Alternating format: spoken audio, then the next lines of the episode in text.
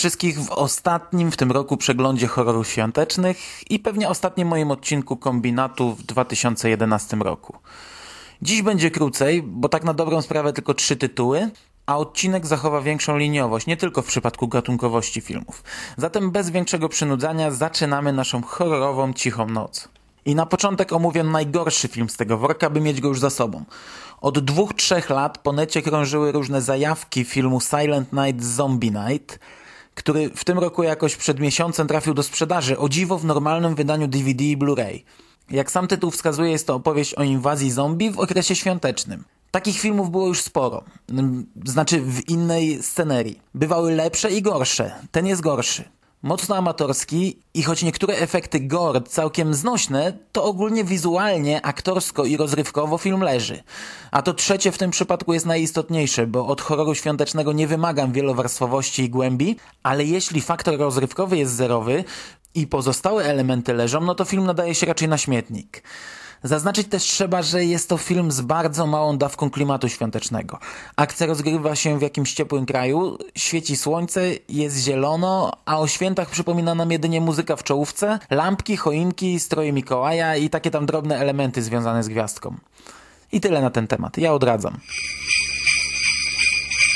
Przechodzimy do drugiego filmu i tym razem dla odmiany jest to świetny obraz.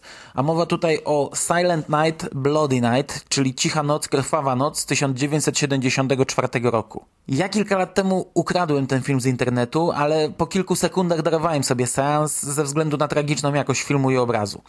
Z ogromną radością powitałem zatem polskie wydanie DVD filmu, ale niestety na moje oko jakość niczym się nie różni.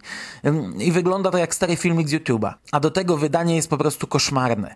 Ja już kilka wydań mieszałem z błotem w swoich wypowiedziach publicznych, ale dopiero teraz zdałem sobie sprawę, że Cicha Noc, Krwawa Noc, którą posiadam od jakichś dwóch lat, jest najgorzej wydanym filmem w mojej kolekcji. Y, nie rozumiem, jak można wydawać filmy tylko z lektorem, a bez napisów, ale w tym przypadku dodatkowo lektor 2.0 jest jedyną dostępną opcją i nie można nawet obejrzeć filmu z oryginalną ścieżką dźwiękową. Ten film został wydany w serii Dekady Grozy i to jest jedyne wydanie z tej serii, jakie posiadam, ale poczytałem trochę w necie i zbierała ona ekstremalnie negatywne oceny i ponoć w przypadku innych filmów było jeszcze gorzej. Szkoda, bo Ta Cicha Noc jest naprawdę dobrym filmem. Oczywiście jest to obraz dla wąskiej i konkretnej grupy odbiorców.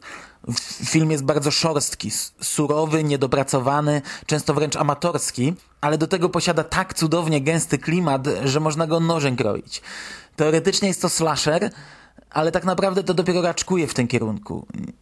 Niektóre sceny po prostu mrożą, a finał, w którym poznajemy zapiski z pamiętnika pierwszego właściciela domu, czytane z OFU, e, a na scenie rozgrywa się spektakl stylizowany trochę na dokument, e, no kurczę, dla mnie to jest coś, co zostaje w pamięci. Tylko tutaj trzeba wyraźnie zaznaczyć, że wiele osób może być zawiedzionych po tym filmie, bo to nie jest typowy szablonowy horror. I, nawet porównując do omawianego przed tygodniem oryginalnego Black Christmas, choć oba filmy powstały w tym samym roku i widać mnóstwo podobieństw między nimi, e, to są one zupełnie inne w odbiorze. I wracając jeszcze do tego, o czym mówiłem przy poprzednim filmie, tutaj też rozrywka jest w zasadzie zerowa, ale w przeciwieństwie do poprzednika to nie jest film rozrywkowy i on jako taki się sprawdza. Ja polecam, ale nie miejcie mi potem za złe, jak stwierdzicie, że było to zmarnowane 90 minut. Ok, i na koniec nie jeden film, a pięć wchodzących w skład serii zatytułowanej Silent Night, Deadly Night. Przed rokiem zrobiłem sobie coś, czego już nigdy więcej nie chcę powtarzać. Kto słucha mojego prywatnego podcastu Radio SK, ten wie, że mnie czasem powali trochę w dekiel i robię takie tematyczne maratony, ale takie maratony pełną gębą, czyli siadam do telewizora i siedzę tak godzinami.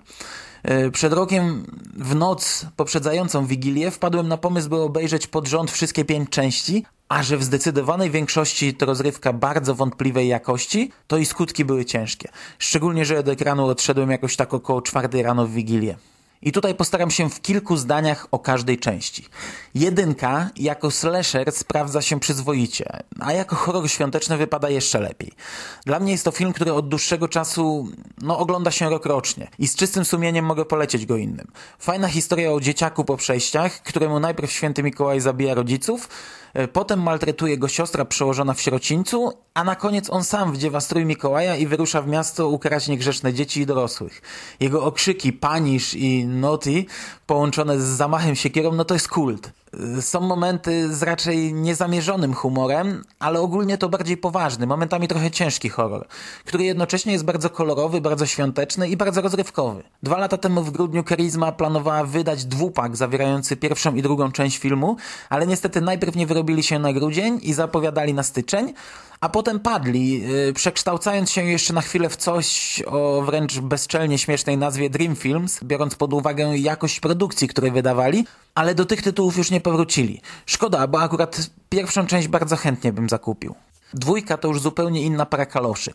Często zdarza się w tasiemcowatych seriach, a przynajmniej bywało tak dawniej w przypadku ciągłych serii, że na początku sequela twórcy pokazują nam jeszcze raz końcówkę pierwowzoru.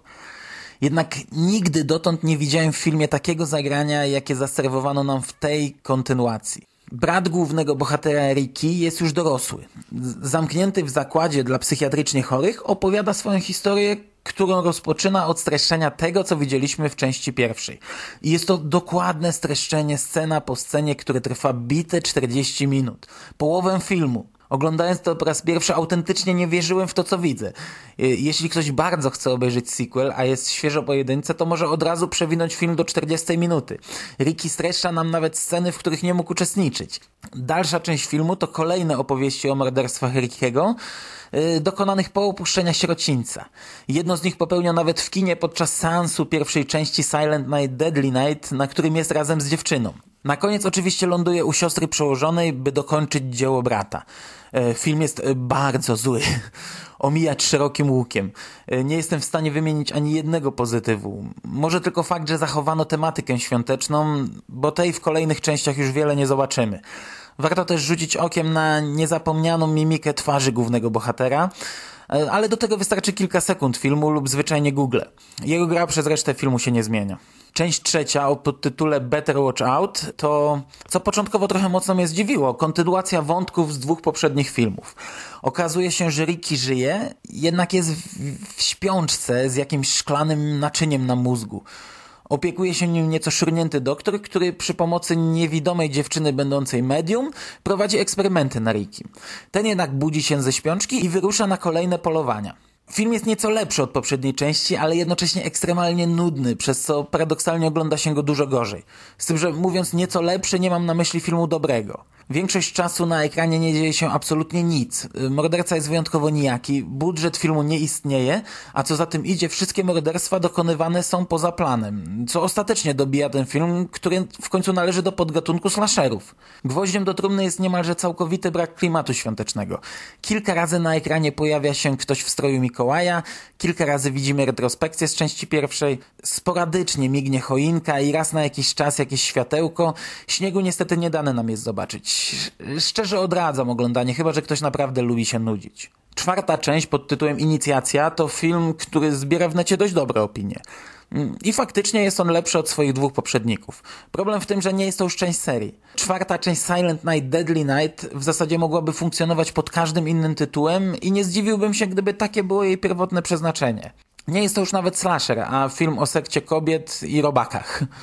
E, co więcej, nawet święta są tutaj nieistotne. O tym, w jakim okresie rozgrywa się akcja filmu, dowiadujemy się bodajże z dwóch scen, których umiejscowienie w czasie w żaden sposób nie wpływa na fabułę. Plusem jest kilka znanych twarzy w świadku horroru oraz fajne, obrzydliwe efekty. Minusem nuda, która jednak wieje z ekranu. Ostatnia odsłona serii o tytule Toymaker ponownie idzie swoim własnym torem. Zamknięcie cyklu to też nie slasher, a film w stylu Władcy Marionetek czy wielu innych produkcji o ożywionych lalkach. Tym razem mamy jednak znacznie więcej świątecznego klimatu. E, choć akcja filmu rozgrywa się w Kalifornii, a co za tym idzie zamiast śniegu mamy świecące słońce, to pozostałych akcentów świątecznych nie brakuje. Jest kolorowo, migają światełka, przez ekran przewijają się święci Mikołajowie oraz całe stosy świątecznych zabawek. No i to w zasadzie wszystkie plusy.